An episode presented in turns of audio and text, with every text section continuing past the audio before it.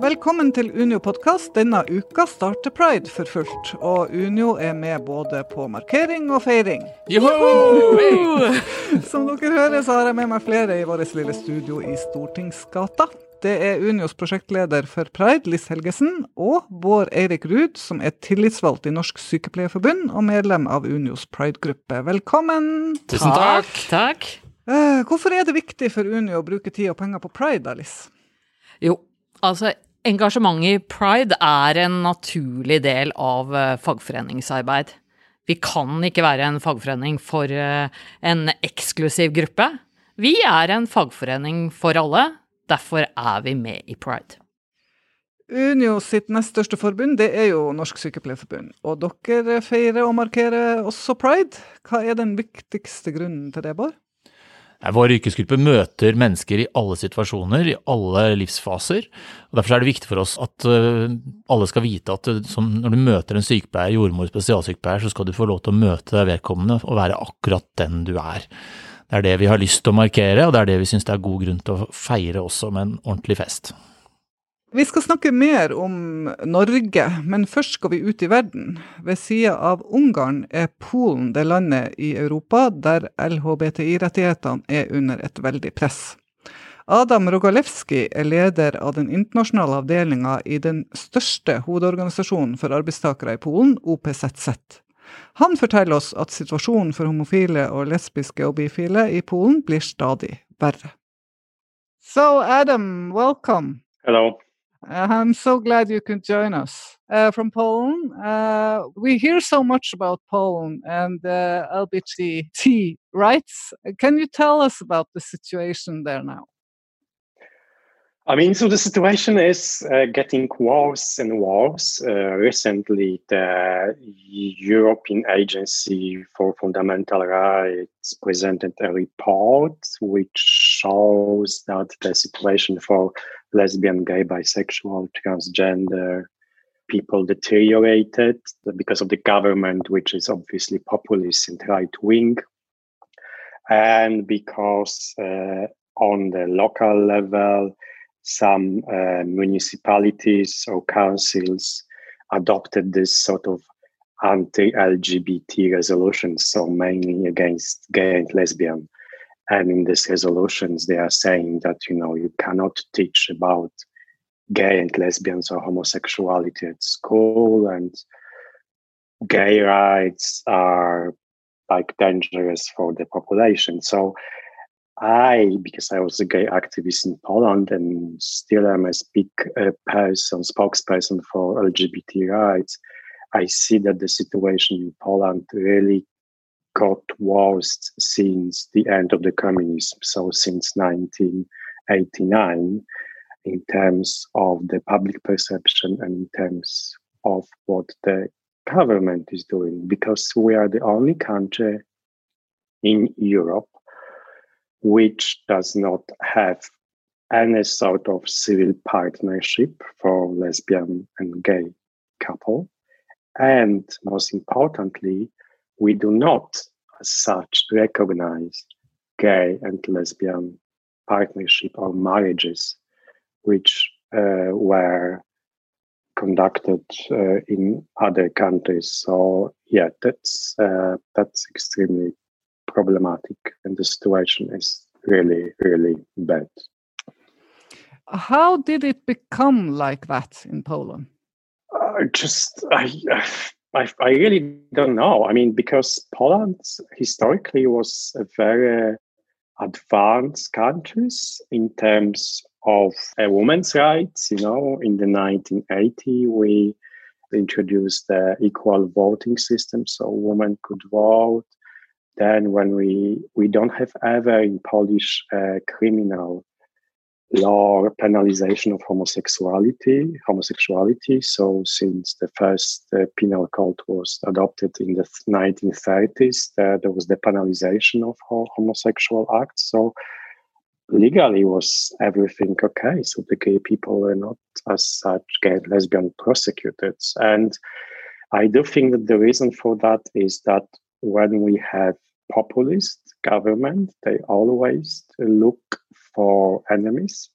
They want to preserve this conservative way of thinking. So it's not only about LGBT people, it's also about women's rights, you know, reproduction rights, for instance. They intended to restrict the right to abortion or uh, attitude towards refugees. And this is why this government or this political party won the elections because they say we are against refugees.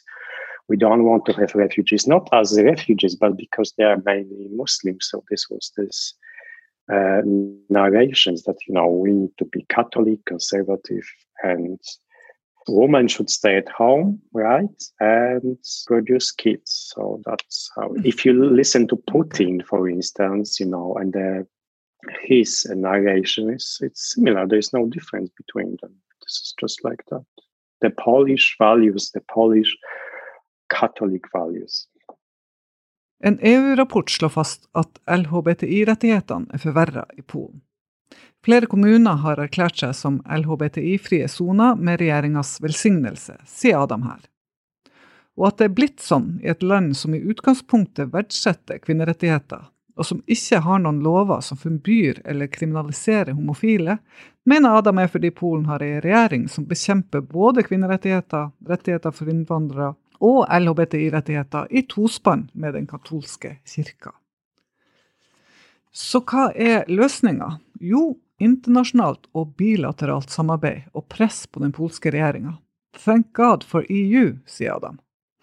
Det er viktig at EU, og også Norge gjennom EØS, stiller krav til Polen om rettssikkerhet og menneskerettigheter. What protect us is that we are still part of the EU, right? Mm. So we need to respect those legislations or equality law. And talking about the new budget, uh, we need to make sure that you know the money allocated for Poland could be only given under the conditions that the Polish government will respect the rule of law and will not discriminate against any minority groups.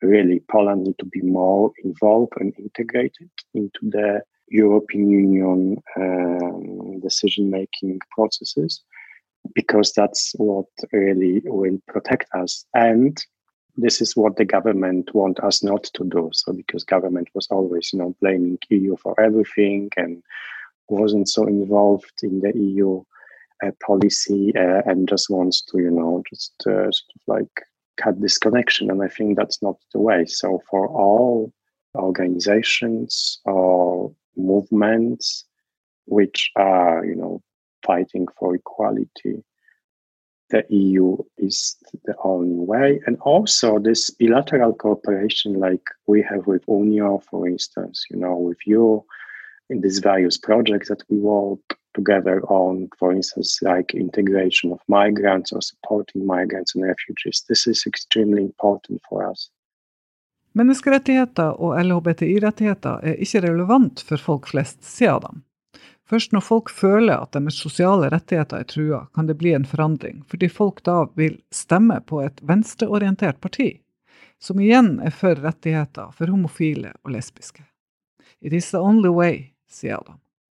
I think the only thing to change political will be the economic crisis. Uh, so when the economic crisis will come, then people will actually think, okay, they're not dealing very well with that, and therefore we need to find a new party which will represent us. So I think that's that's the only hope. And when we see what's happening now in Poland, it's just that the government is not dealing very well with that. It's not supporting workers. So there is hope. I think there is a big hope for us to to have more progressive left-wing government in that respect. Du hørte Adam Rogalewski, og han er altså leder for den internasjonale avdelinga i den polske hovedorganisasjonen for arbeidstakere, OPZZ. Hovedbudskapet til Adam er at LHBTI-spørsmål, kvinnesak og respekt for innvandrere er parallelle spor. Eh, er dere enig i det? Ja, absolutt. Det er sånn at diskriminering Vi kan ikke se diskriminering av skeive som en isolert, et isolert diskrimineringsområde. Det er rett og slett en del av et større diskrimineringsbilde, og det er de samme mekanismene som trår inn. Jeg er enig, og i Norge har vi en, en godt utvikla velferdsstat som vi har uh, bygd opp gjennom mange, mange år, og det har gitt oss både lovverk og friheter til å Eh, etter hvert også være den vi er, hvis du har en, en, annen seksuell legning, du kommer fra en minoritet eller ikke. Samtidig så er det sikkert ganske mye skjult, eller er det ganske mye skjult diskriminering i Norge. Det møter vi eh, i arbeidslivet. Vi ser at eh, la oss si en person med et annet kjønnsuttrykk vil møte helt andre utfordringer enn en jeg som ser ut som en mann, og er en mann. Men hvis jeg forteller at jeg er gift med en mann, da kan det hende at jeg også blir møtt med utfordringer hos noen andre. Så de holdningene ligger der kanskje, og de holdningene må vi være også våkne for, vi som er sykepleiere og jordmødre, at uh, vi møter mennesker som kommer da med, med sine historier og sine liv, da, uh, og sin seksuelle legning, eller kommer fra en minoritet. Da må vi ha en våkenhet hos oss for at uh, hvordan skal vi møte mennesker? Og det handler om i stor grad også det å møte seg selv. Hva mener du med det? At møte deg selv? En må vel kanskje ta en runde med seg selv og sine egne fordommer. Hva tenker jeg når, det, eh, når jeg møter en pasient som da biologisk er en mann, men kanskje ser ut som en kvinne? Mm. Eller jeg møter eh, eller møter en med mørk hud som jeg i utgangspunktet tenker at du snakker vel dårlig norsk, og så viser det seg at det kommer klingende trønderdialekt fra vedkommende. Mm. Vi tar med oss en del fordommer inn. Er det blitt ytterligere aktualisert med det som foregår spesielt i USA nå, med den George Floyd-saken og det mordet på han? Jeg tror det er en vekker. Jeg tror det er en vekker om hvordan språket vårt virker. og ser at de har jo nå I USA så har de tatt en, et større oppgjør bl.a. med film og kultur. Har jo gått gjennom og, og måttet revidere og faktisk fjerne en del eh, film og media fra, fra Netflix og fra HBO f.eks. Eh, fordi de tar et oppgjør om det. Jeg tror ikke det handler om misforstått og overdrevet politisk korrekthet, men kanskje et oppgjør om å, å gjøre noe med de inngrodde vanene vi har, og de holdningene vi har. Ja, altså, det, Vi har gått i oss sjøl alle sammen, på en måte.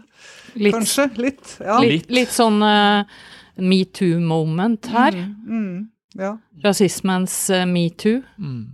Det ble veldig, veldig sterkt når du ser Uh, og også vet hvordan uh, den afroamerikanske befolkningen i USA har blitt systematisk undertrykka og diskriminert, både åpent og skjult, i mange, mange år. Mm. Og det, det vekker uh, heldigvis nå så ser det ut som det vekker eh, et stort behov for diskusjon og et stort behov for kanskje å komme til forandring. Da. Mm, mm. mm. Men tross alt så har vi det vel eh, Det er vel en positiv utvikling i Norge når det gjelder eh, LHBTI-rettigheter? Vet du hva, jeg syns vi har kommet uh, skikkelig langt i min generasjon. Jeg tenker på når eh, jeg var barn, så tror jeg vi fikk latterkrampe av tanken på at to damer skulle gifte seg, eller to uh, menn kunne gifte seg. Mens mine barn, de tenker på likekjønnet ekteskap som en naturlig rettighet. Så vi har kommet skikkelig langt, men det gjenstår skikkelig mye også. Mm. Hva, hva bør vi være på vakt overfor? Jeg tror vi må være på vakt overfor det der at vi tror vi har uh, kommet så langt. At vi tror vi, vi er så gode. Uh, da, da, senker vi garden, og vi står laglig til for hugg. Det kommer motangrep.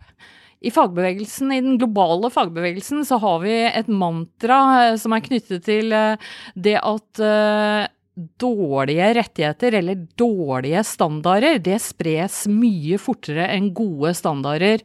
Og det tror jeg gjelder eh, så til de grader på dette området også. Er du enig i at vi har en del å være på vakt overfor, også i Norge? Det, det, har vi. Har mye å være på vakt mot. Uh, vi har mye kjempa for mange rettigheter i Norge, og mye som gir oss veldig mye muligheter. Men det er veldokumentert veldig dokumentert at eh, LHBT-personer er utsatt for mer vold. De er utsatt for mer utestenging, ensomhet.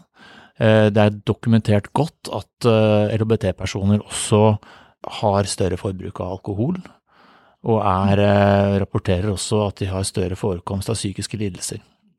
Og dette her er, det blir jo et samfunnsproblem. Dette er noe vi må slutte oss opp om for å, for å hjelpe til å, og, gjøre det trygt da, å være, være den man er. Mm. Feirer vi pride, eller markerer vi pride? Jeg syns vi gjør begge deler, og det skal vi gjøre. Vi skal feire de seierne vi har eh, vunnet. Vi skal feire det at vi har lovverk som tar vare på, tar vare på oss. Vi skal feire det at eh, det er mye lettere i dag å komme ut, eh, komme ut som skeiv når du er ung, tidlig som mulig. Jeg syns det er grunn til å feire det at når jeg sykla hit ned til studio, så var på en videregående skole i veien her borte, så hang det et svært regnbueflagg utafor skolen. Det tenker jeg, det, da har vi kommet langt. Samtidig så er det også markering, for vi må markere at, uh, at det her er ikke noe vi har vunnet en gang for alle. Dette er en markering for at vi må hele tida være bevisst. Det er veldig viktig da å høre, sånn som vi hører fra Polen, hvordan det har svingt der, fra å være et uh, ganske godt likestilt samfunn til å bevege seg nå mot noe som ikke er bra for, uh, for folk i Polen. Mm. Det syns jeg var gode uh, siste ord uh, fra deg, Bård Eirik Ruud, tillitsvalgt i Norsk Sykepleierforbund. Takk til deg, og takk også til Lis Helgesen, prosjektleder for Unio Pride, og også internasjonal sekretær i Unio. Husk å melde dere på vårt digitale frokostmøte Pride på jobben, som er i morgen tidlig. Da ønsker vi god pridefeiring og god pridemarkering til alle.